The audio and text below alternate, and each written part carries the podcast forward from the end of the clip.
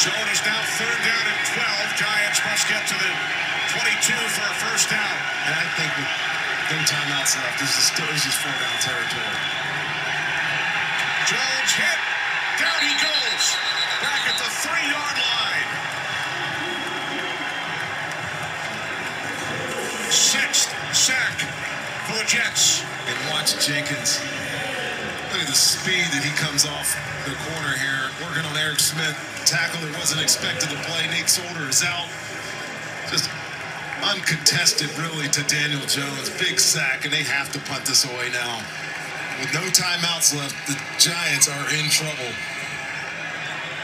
Hey, what's going on, everybody? It's your boy HP, and you're listening to the Unsportsmanlike Conduct Podcast, a podcast for the average Joe covering football and everything New York Giants. Before I get started with today's episode, I want everyone to please make sure you follow me on Instagram. That's underscore Unsportsmanlike underscore Conduct. I'm also on Twitter, so everyone please make sure you follow me on Twitter. That's underscore Unsportsman. And lastly, but most importantly, if you're listening to this, you might as well subscribe. So everyone please subscribe to my YouTube page. So as I'm sure you can tell from the opening clip of this episode, this episode is going to cover the Week 10 loss to the New York Jets. The New York Giants have now lost six straight games, falling to 2 and 8 in a Big Apple, a fight for the crown for New York City against the inner city rivals, the New York Jets. This game only happens once every four years, and today we lost that matchup.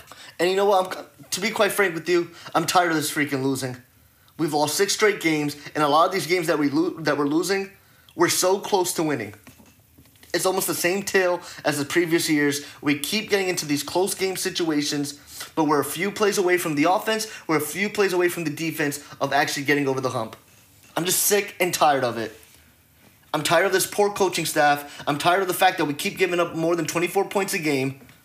I'm just sick and tired of them. Sick and tired of the Daniel Jones fumbles. That's right.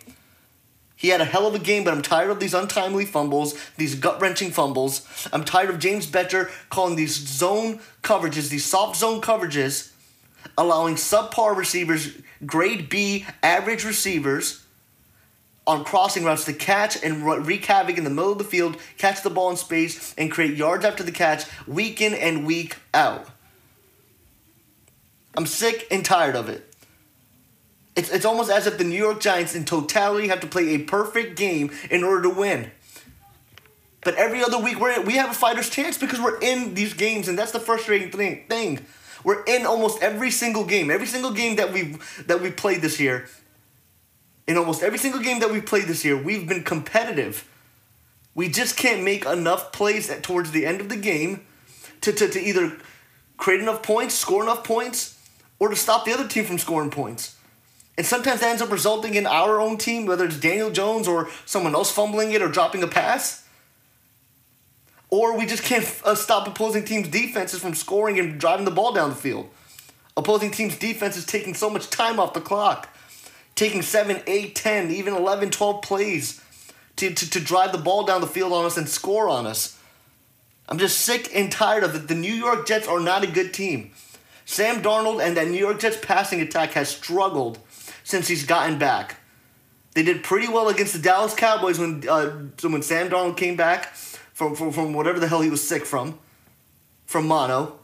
But other than that, Sam Darnold has struggled. This passing attack has struggled, and I know because I have Robby Anderson, and he has shit the bed for my fantasy team to the point where I'm too afraid to even start him. There's a reason why in a lot of leagues, Jamison Crowder is on the free agency pool. There's a reason why Demaryius Thomas is on the is, is in a lot of teams is in a lot of leagues free agency pools. It's a reason why no one even dares to uh, to pick up a New York Jets tight end. There's a reason why Le'Veon Bell's utilization and production has been underwhelming. People have drafted Le'Veon Bell in, in, in the first round. That's been their first round pick, and he has been underwhelming. This offense is not a good offense, but we made it look like one.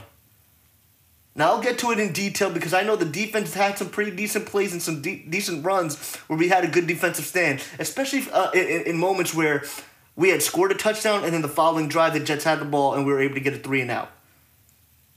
But overall, we still gave up more than 21 points. I'm not entirely sure what James Bettcher's doing out there. And, and, and look, I think a lot of people think, you know, well, we got a lot of pressure this time and James Bettcher dialed up a lot of blitzes. Well, were, were those blitzes effective? Just because we're bringing up uh, uh, an extra DB or, or an extra linebacker in to, to, to get to Sam Darnold, and yes, we did hit Sam Darnold quite a few times today, but it wasn't as effective. He still completed passes. We didn't force turnovers. We didn't force one torn, turnover this game. What's the point of sending a blitz if you don't have the DBs also to cover for one less extra person in the secondary? And that's what happened this the, in, in today's game. You had Demaryius Thomas look like, you know, he rewinded the clock five years back. You had Jamison Crowder looking like a number one wide receiver, when on any other team, he'd probably be second or third option at best. We got to Sam Darnold eight times. Leonard Williams got, uh, accounted for four of those QB hits. So out of the eight hits, Leonard Williams, a former Jet who's used to practicing against this offensive line, got four of those hits. Only half of those hits. The rest of those hits came from uh, from other defensive players on the New York Giants team, and it was one hit each. It wasn't like any, uh, or actually no, rather two of them came from Marcus Golden, who also had a good, a pretty decent game and ended up registering a sack. Jabril Peppers had one hit, who is a safety, and we continuously play him in the box because we don't have anyone else. We don't even have a cover safety. We know that we can't put Jabril Peppers out deep into the secondary, so that's why he's always continuously in the box. And for some weird reason, we decided to put Antoine Bethea as a single high safety in almost every single play. I'm not entirely sure why you would play a, a, a what 35, 36 year safety in the middle of the field, which is probably is the reason why there's so many blown coverages, especially in, in, in situations where we're continuously running soft co- coverages, and you see tight ends and slot receivers catch the ball in the middle of the field and create yards after the catch, week in and week out. But I want to stay on this sort of pass rush uh, topic because I think a lot of people think that you know we had success blitzing today. We did not have success blitzing today. We had eight quarterback hits. None of those QB hits uh, turned into a turnover. They never resulted into a turnover. We only had two sacks out of the eight QB hits. Two of those ended up res- uh, resulting in sacks. We can get two sacks without blitzing, folks. We get two sacks without having eight quarterback hits. We've had that this season. So don't tell me that our blitzing was effective today. Do I like the fact that James Bettcher was much more aggressive today? Of course I was. But what's the point of being aggressive if you don't have the personnel to execute it? It doesn't make any sense. Sam Darnold was 19 of 30 in today's game, to, through 230 yards. Demaryius Thomas caught six for 84 yards, was targeted nine times. A 31 year old wide receiver was targeted nine times. When a wide receiver is targeted that many times, that means the quarterback is looking at something. He's trying to exploit, exploit a matchup. He's trying to exploit something that they know the opposing defense cannot cover. this might have been, I think, Demaryius Thomas's best game uh, this season so far. James Jamison Crowder went for five receptions and 81 yards. Demaryius Thomas's longest catch was for 47 yards. Jamison Crowder's longest catch was 25 yards. What is this team doing? You can't stop a Demaryius Thomas. Demaryius Thomas looked like he was a all-star in today's game, and that's what our defense tends to do. They make good players look great, and they make subpar subpar players look good. Adam Thielen had a career game against the New York Giants when we played the Minnesota Vikings. Mike Evans had a career game against the New York Giants when we played the Tampa Bay Buccaneers. Dalvin Cook had a career game against the New York Giants when we played the Minnesota Vikings. Amari Cooper looks like a top three wide receiver when he plays the New York Giants. And honestly, I'm surprised Robby Anderson didn't burn one, didn't burn us on one, and he almost did. And then DeAndre Baker, of course, because he gets called every single week, gets called for a stupid, irresponsible pe- defensive pass interference. Every single person knows how to play a ball on defense. Every single person knows that you have to turn around. The DB has to turn around and make it look, just make it look, act like you're making a play on the ball. But DeAndre Baker has shown me, and I know he's a rookie, and I don't mean to be hard on him, but like, he has shown, look, there's one thing if a receiver's too fast and you can't keep up with them. I can't get mad at you, Baker. If you can't keep up with with, with the Robby Anderson or an Amari Cooper, you know, look at, at some point it's it's physicality is gonna win this is gonna win moments and battles in this game. I can't get mad at Baker for not being able to, uh, you know, to to be step by step with the likes of an Amari Cooper, Stefon Diggs, Adam Thielen, uh, and Robby Anderson. But what can, I can be upset is about basic fundamental stuff, basic football 101. Baker, you know you have to turn around and make a play on the ball, otherwise it's going to be a pass interference. It, it, it, you know he's had a very up and down year, but more down than up. He's shown that he can. He, he's a very physical cornerback. Sometimes he's a little too physical, and he gets these weird, sort of, sort of annoying and frustrating defensive pass interference calls. And then the one like today, it, it, which was which was which was a head scratcher, because Rob, Robby Anderson burned the top off of that defense and that secondary, and, and, and it was just so unfair because of course we don't have Antoine Bethea or Jabril Peppers back there to cover up and, and protect DeAndre Baker from getting burned. Of course, that probably would have been a touchdown had DeAndre Baker not done the de- defensive pass interference. And granted, I think it did end up becoming a uh, touchdown because it was a Sam Darnold uh, uh, scramble for one yard. Either it was a Sam Darnold run or it was the Le'Veon Bell touchdown, I think, right after that play where the ball was on the one yard line and the goal line. I'm, I'm just sick and tired of it. We don't have the secondary to blitz the way James Bettcher was blitzing and we learned that today. This defense is, is, is far from, from, from being as good as it as, as we think it can be. James Bettcher is not the guy to do it. Having zone coverages on on, on, on the young just because it's a young secondary and you don't want them to get burned by man on man. But doesn't this young secondary need to do man on man coverage because those assignments are easier than a zones defense because zone defenses are confusing. I mean, think think about it like this, folks. If you're a young DB coming out of college and a zone defense is telling you that you're supposed to cover a certain aspect of the field, but then you see a wide receiver run a certain direction and a tight end run a certain direction, you're almost inclined to bite on certain routes and, and, and sort of leave your assignment and leave your zone because you're such a young DB that you're not disciplined enough to stay within your zone. How is that more effective for a young secondary than man to man? I'd rather have Corey Ballentine get burned on a man to man. I'd rather have DeAndre Baker get burned on a man to man, which we've obviously seen almost every single week or every other week, than have a wide receiver or a tight end on a simple ass crossing route. I mean, some of these routes, it's not like the guys are running complex routes where DBs are falling and getting cracked and played. No, it's just a simple miss miss coverage. Funny thing is, sometimes it looks like some of these defensive players are in their assignments, but there's just so many holes and gaps within the defense. There just needs to be new energy. James Bettcher decided he wanted to bring the Arizona Cardinals to this New York Giants defense. So he brings in Kareem Martin. He brings in Marcus Golden. And granted, Marcus Golden, six and a half sacks. He's almost he's almost trying he, he creates a play almost every single game. Always tries to get into the backfield. But Marcus Golden is not supposed to be our premier pass rusher, folks. We need a better pass rusher. James Bettcher almost had no say, it appears, from, from, from an offseason perspective.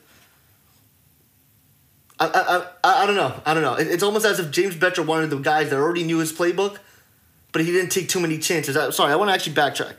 I didn't mean he had no say in the offseason because clearly it looked like he did. Because he's signing all these players that once played for him. Antoine Bethea, Kareem Martin, Marcus Golden, uh, uh, and then Bucannon as of recently. But I think what James Bettcher needs to do, and, you know what, I think the reason why Bettcher wants to do is because he knows his defense is so complex, he needs people to come in and actually teach the rest of the guys the playbook. But that, that, that, that that's that's troubling. Because what that lets me know is that you have the inability to teach your defense to new players. So you want people that are already in the system to come in and teach the rest of the team. We almost never see that on any other in any other league across the NFL. In any other team across the NFL, but we see that with James Bettcher. It's frustrating and, and I'm just tired of the losing. I can't do this anymore. We lost we gave up 34 points, and I know one of them was a return. I know that uh, one of them was a Jamal Adams caused forced fumble, strip sack uh, out of Daniel Jones's hands, and runs it for the end zone. I'm going to get to that later, too. But we gave up 30, so, so what? Fine. You minus, minus one touchdown. We gave up 27, 28 points. You can't give up 27 points and think you're going to win an NFL game.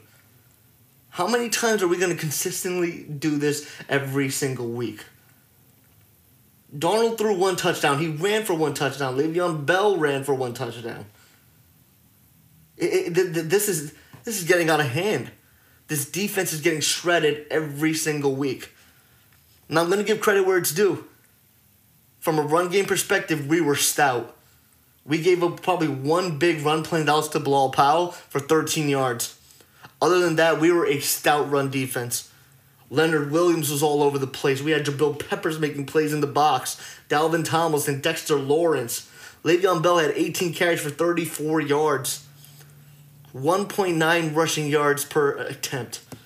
We did a hell of a job in the running game, but that's think about it. We did so well in the run game that we still couldn't win today's game. That we still gave up 27 points. Think about that, okay? We had we gave up 27 points and we were still unable to win the game and we gave up all those points with stopping Le'Veon Bell in this running game. And Le'Veon Bell wasn't even effective in the pass game either. It's not like he was a threat in the pass game. He had four catches for 34 yards, and you know I'm looking at that stat line, and I was surprised he even had four catches because to be honest, he was almost non-existent all game. He was a non-factor. We took him out of the game defensively. This defense, it, it just needs to improve. And look, the bye week is coming, and you know John Mara and company, they need to, they need to make a decision. The owners and the GMs of, of this team need to make a decision. Are they going to keep this coaching staff? And if you think they're going to keep this coaching staff, you need to un- you need to the expectation is that you think that this current coaching staff can lead the future of this Giants team. Can lead these young players to be successful and execute in years to come. Because I don't see it. I simply don't see it. And I don't mean to sort of, uh, you know, beat a dead horse with this. We had eight QB hits, only two sacks. In those eight QB hits, we didn't force not one turnover. We forced Le'Veon Bell to run for 34 yards on 18 carries, and yet we still managed to give up 27 points. We gave up three touchdowns and two field goals. It's not excusable. It's just unexcusable. There was one drive, I believe it was in the second half, and don't quote me on this, but there was one drive where it was a great punt, and the ball had started on the on the New York Jets' own eight yard line, and it ended up being in a field goal. It's inexcusable. And you know what? I just want to check that. Let me, you know what, guys, give me a couple of seconds because I want to check that. I, I want to check at what point of the game this had happened.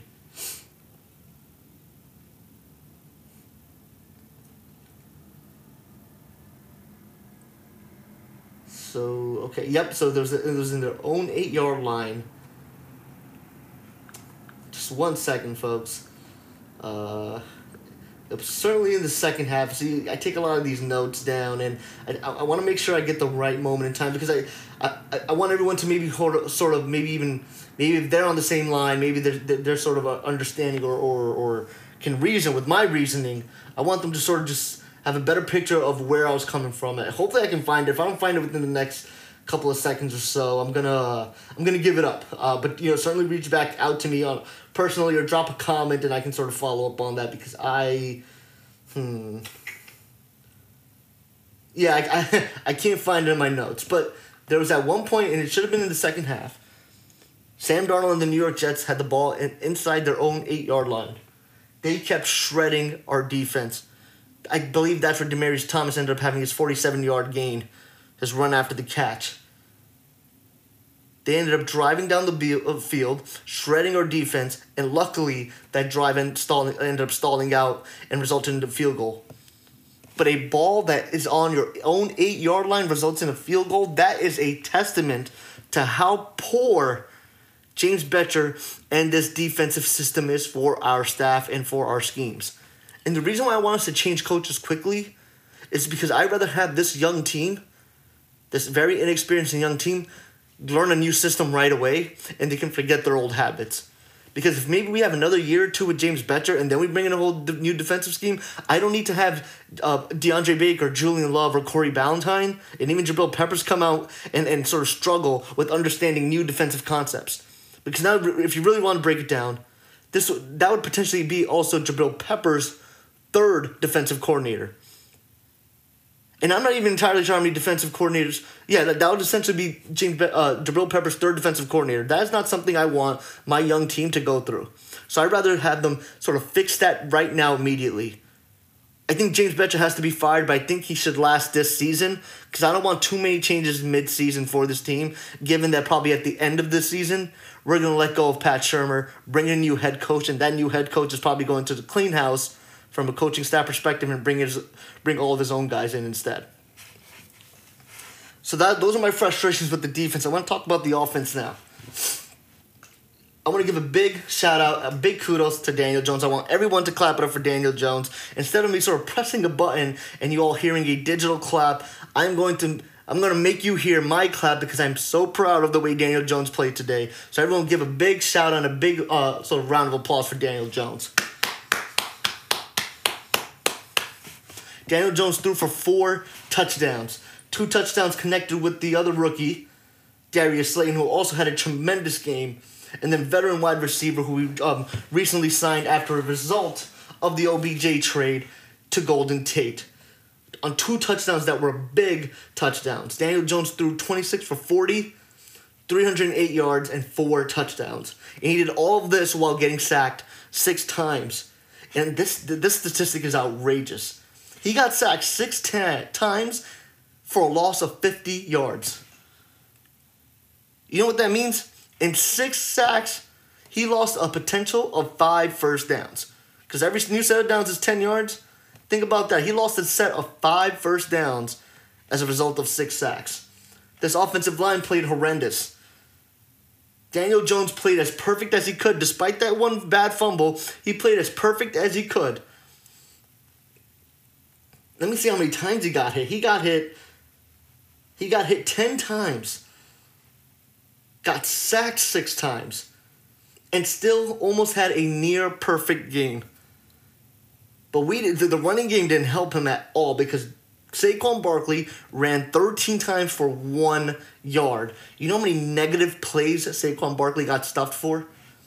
This Jets defense looked like a top five run defense, and they're not. Daniel Jones had more rushing yards than Saquon Barkley unbelievable, this offensive line. Daniel Jones plays a near perfect game, but this offensive line couldn't protect Jones enough and couldn't move up the opposing defensive line to create space for Saquon Barkley. I mean, how many times were, were, were those 13 carries? Probably more, a little more than half of those carries were up the middle between the guard and the tackle, between the seams, between the tackles. That that is what disturbed me because that's not where Saquon Barkley exceeds. Saquon Barkley exceeds running from sideline to sideline. Okay, up the sideline, that's where he gets the burst and gets the big gains. For some reason, Pat Shurmur kept having these inside zone plays for, for Saquon Barkley to just get stuffed. We have our center injured. Do you really expect from because of our center being injured that we can get some push up the middle for Saquon Barkley? It, it, just, it just made no sense. And I look, I understand that half of our offensive line was injured. Nate Solder ended up leaving the game. We didn't have Mike Remmers. Jon Halapio left the game as well. He got, oh, or actually, no, he didn't leave the game. He was actually out before the game. So I know that our starters weren't in. But 13 carries for one rushing yard, that is very inexcusable. That, there's no reason for, a, for our star running back to only have one rushing yard. That makes no sense. I don't care how good that defense is supposed to be because they're not that good. There's a reason why other teams have had success against that New York Jets defense. It, Saquon Bar, like it's, it's almost as if Shurmur didn't think to make any adjustments to get Saquon Barkley the ball better in space. Even from a passing perspective, where were those big plays that we needed him to to do and create? I mean, I'm watching this Dallas Cowboys and Minnesota Vikings game, and they're getting Dalvin Cook out in space with the ball, and people are missing tackles. People, I know that a lot of these Giants fans are saying that Saquon Barkley's injured. I don't think he's injured. He's trying to cut. He's trying to dance before he hits these holes. His feet are moving fine to me. It's this offensive line that's not getting him in space. The one yard isn't because I think it's, he, he's still a little bit injured. And look, I think when you play in a football season, everyone's a, everyone's a little banged up. I think he's doing decently fine. I think he I think he feels as normal as he did prior to when he got hurt. I don't think that's the reason why he only had one yard.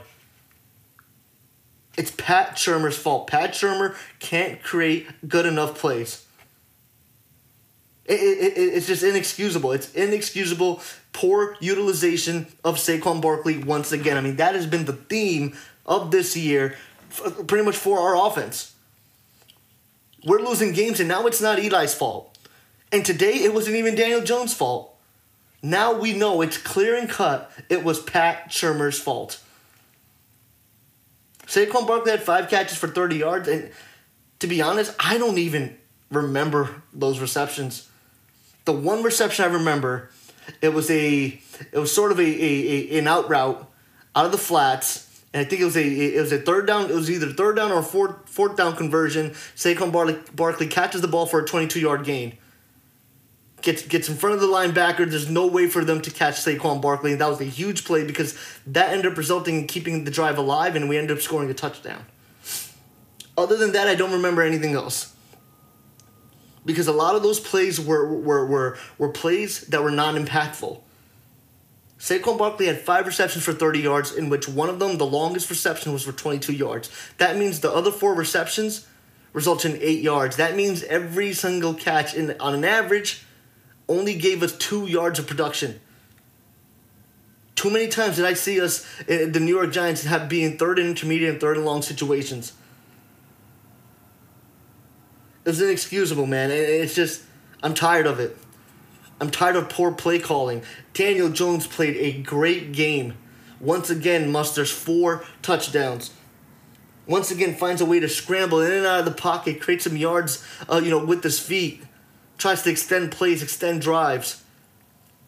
Is this another player? Is this another good young New York Giants player that we end up wasting? We wasted OBJ and now we have to trade him to the Cleveland Browns. We wasted Landon Collins. We trade uh, and we didn't sign him uh, this past offseason. Is Saquon Barkley the next the next talent? Is he the next casualty? Is Daniel Jones the next casualty? I mean, it already looks like Sterling Shepard might be, given his concussion issues. It already looks like Evan Engram might be. I mean, there was rumors that Evan Engram might be on the was possibly on the trading block. That uh, the, the what was it a, a week or two ago when the, uh, during the trade deadline. We are wasting really good talent away because of poor coaching, because of poor play calling. It is absurd. And it, look, the bye week is approaching, and I said this with James Bettcher when I gave my defensive analysis. The bye week is approaching. They need to make a decision on whether they want to keep Pat Shurmur or not as our head coach. And if you fire Pat Shurmur, my question is who's going to be the interim head coach? Do you keep Mike Shula? Because Mike Shula, I, I, mean, I don't know. Do you keep Mike Shula? Who would be the interim head coach? I, I can't do this anymore. I can't keep seeing Saquon Barkley run for one to two yards, negative yardage up between the guard and the tackle. The whole game, I'm looking for Wayne Gallman. Wayne Gallman barely got any burn. If you see that Saquon Barkley is struggling to run the ball, then why don't you throw in Wayne Gallman? Maybe that gives us a new energy. Maybe that gives us a different look.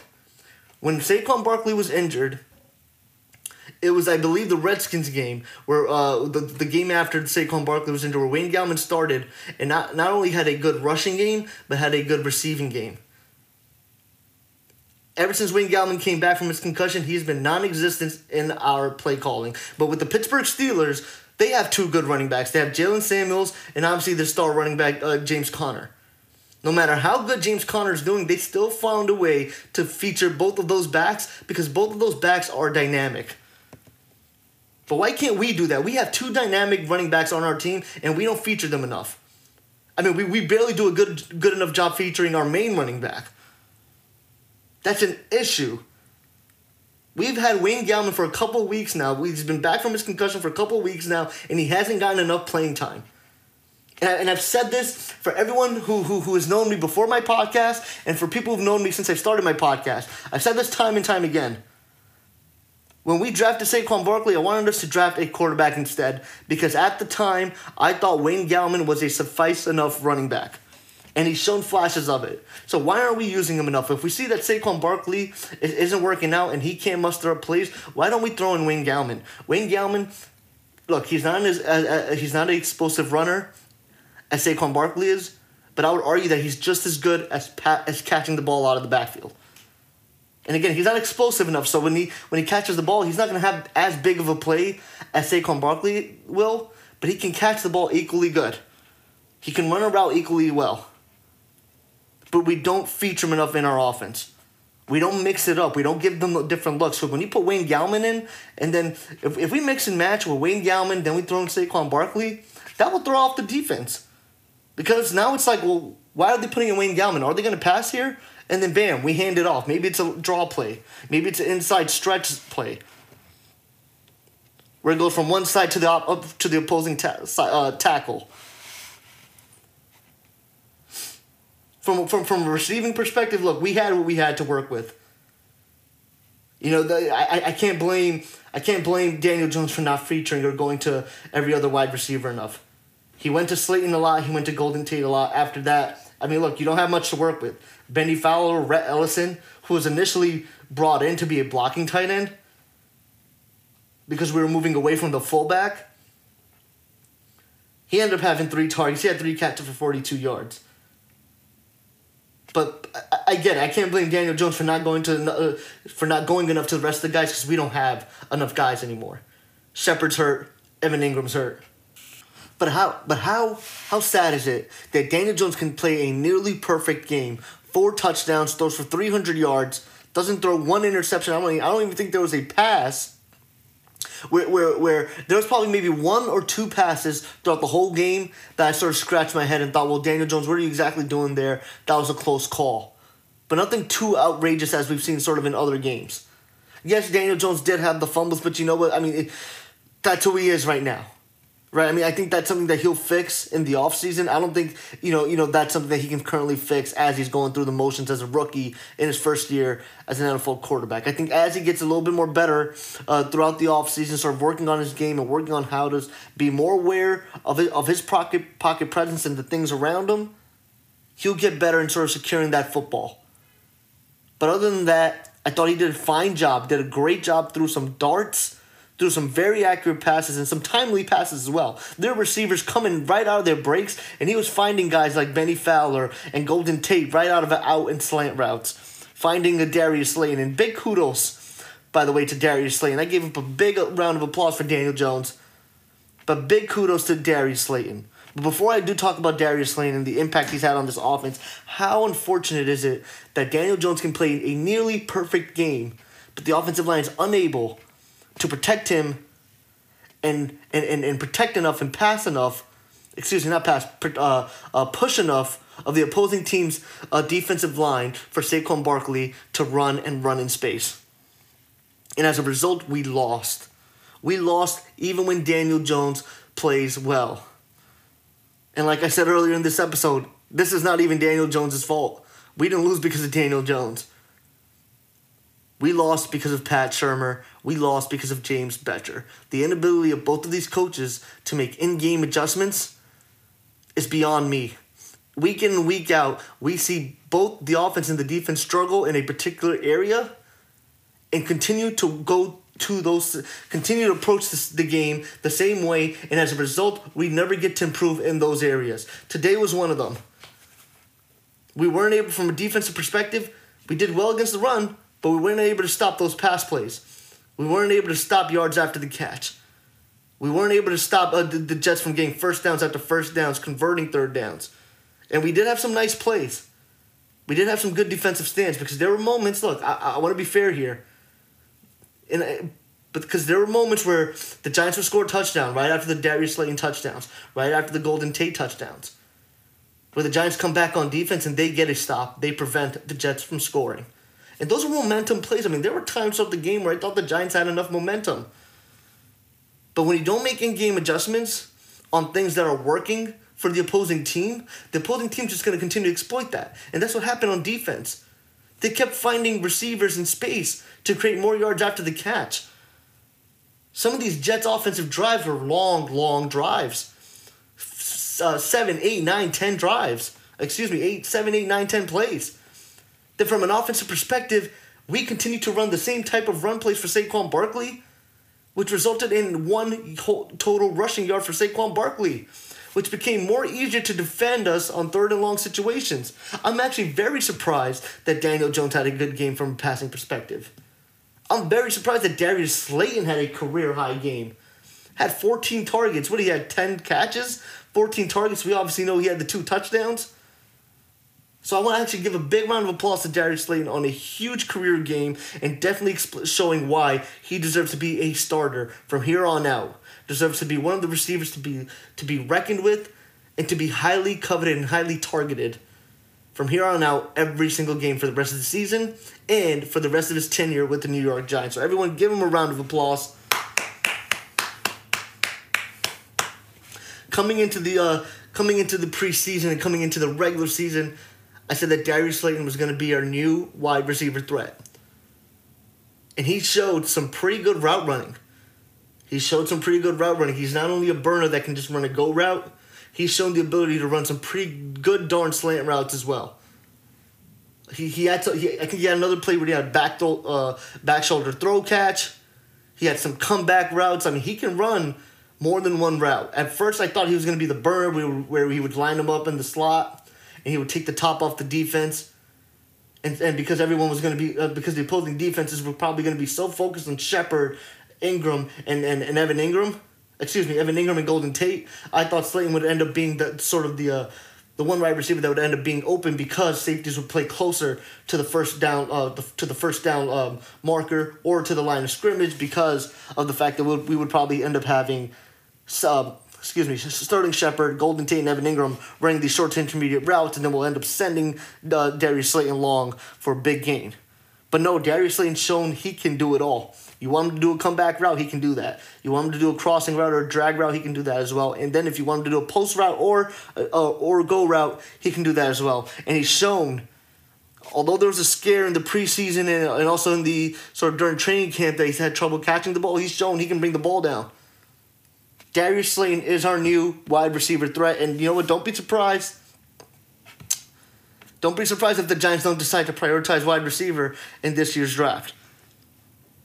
Because I think Darius Slayton's our guy, and what a find by Dave Gettleman. Because what was it? Who Darius Slayton was what a fifth or sixth round pick out of Auburn. It wasn't like he was a premier top top coveted wide receiver out of college. So a great find by Dave Gettleman, and, and he had a heck of a game. And, and I do want to sort of touch upon this connection because Darius Slay and, and, and Daniel Jones, they've connected even during rookie minicamp. They first connected during rookie minicamp, then they came into minicamp, then in the preseason. I mean, they've shown they've shown that that, that, that connection is going to work. And I look forward to seeing that tandem wreak havoc and, and take over games uh, for years to come for the New York Giants. Golden Tate someone who was brought in to help Giants fans, uh, you know, sort of get over the fact that we traded away a one of our best playmakers in OBJ. Golden Tate has come in and he's done a pretty good job, and a big kudos to him for bringing you know four catches, what ninety five yards and two touchdowns, and for one of the touchdowns that was a sixty yard screenplay. Right, so that wasn't a, a dart or a dime by Daniel Jones. That was simply a, a, a, a routine screenplay there was great blocking up front, and, and you know Golden Tate was able to burn the top off the defense and find the end zone for a 60 yard gain. Those were plays that OBJ was making in the past. And Golden Tate made that today. So we have offensive weapons, but it's about execution. It's about blocking, protecting our quarterback. It's I mean, imagine if Saquon Barkley was able to run the ball well. Imagine Saquon Barkley was lined up, uh, you know, more frequently at, at, wide receiver in the slot and was found open in space in the middle of the field while a linebacker or slow ass safety is chasing him on a simple crossing route. But because we don't put Saquon Barkley in those situations, it was just Daniel Jones versus the New York Jets. And that's why Darius Slayton has 14 had 14 targets today. When a receiver has more than 10 targets, that means the offense is one dimensional. That's what that means. Gary, you know, it, it, it, I don't know. it was like it, it's frustrating because it's easier to put the blame on Daniel Jones when he's the reason why we lose, but when he plays so great and we lose, you know now now who now who's now who's to blame? It's got to be the coaches. This happened against the Lions. Daniel Jones had a four touchdown game against the Lions. He wasn't the only he. I mean, granted, he did fumble the ball, but he wasn't the reason why we lost that game. The defense gave up more than 21, 24 points. We struggled to protect the line again. We struggled to run the ball again. Pat Shurmur is not suited to be the head coach for this team. He is not suited to help this team generate enough points on the offense. I'm sorry, but Pat Shurmur's got to go. That whole coaching staff's got to go. And I'm sick and tired of losing because we've lost six, we've lost six straight games. And now we're tied. Our records are, are, are almost the same, or not if not even worse, than the Miami Dolphins, the Washington Redskins, and now the New York Jets. We are officially one of the worst teams in the NFL, and we'll probably be ending up with a top five, top six pick in the NFL draft. Because the New York Jets, this was a game I thought we were going to win, and we didn't win. We're going to lose two games to Philly. So what are we, two and eight? We're going to be two and th- so that's two and ten. Honestly, we might even lose to Miami because that defense looks good. We're going to lose to the Packers, and we're probably going to lose to the Bears. So we're going to have 12 losses for sure. So we, at best, now have a chance to only win two more games. That's possibly against the Redskins and the Miami Dolphins. But I don't see us winning any of the games against the Philadelphia Eagles. I don't see us win, being uh, winning against the Packers, and I certainly don't see us winning against that stingy Chicago Bears defense. Folks, this team is in trouble, and if we want this team to do, if we want any sort of sign for this team to do better in the future or in the coming years, this team has to let go of the coaching staff and bring in a new regime. They have to start from the ground up again. You want to, Dave Gettleman has to realize that Pat Shurmur can't get the job done. We lost to a bad team. We made a bad team today look like a really, really good team, and this was in spite of their one of their best playmakers in Le'Veon Bell only registering 34 rushing yards. Folks, that wraps it up. That was episode 28 of the Unsportsmanlike Conduct Podcast. Um, next week is a bye week, so that will be my off week, but we will return uh, the following week after against the Chicago Bears. So stay tuned. I will be posting about that matchup uh, in the coming days. Peace out. It's your boy HP. Please make sure to subscribe. Till next time.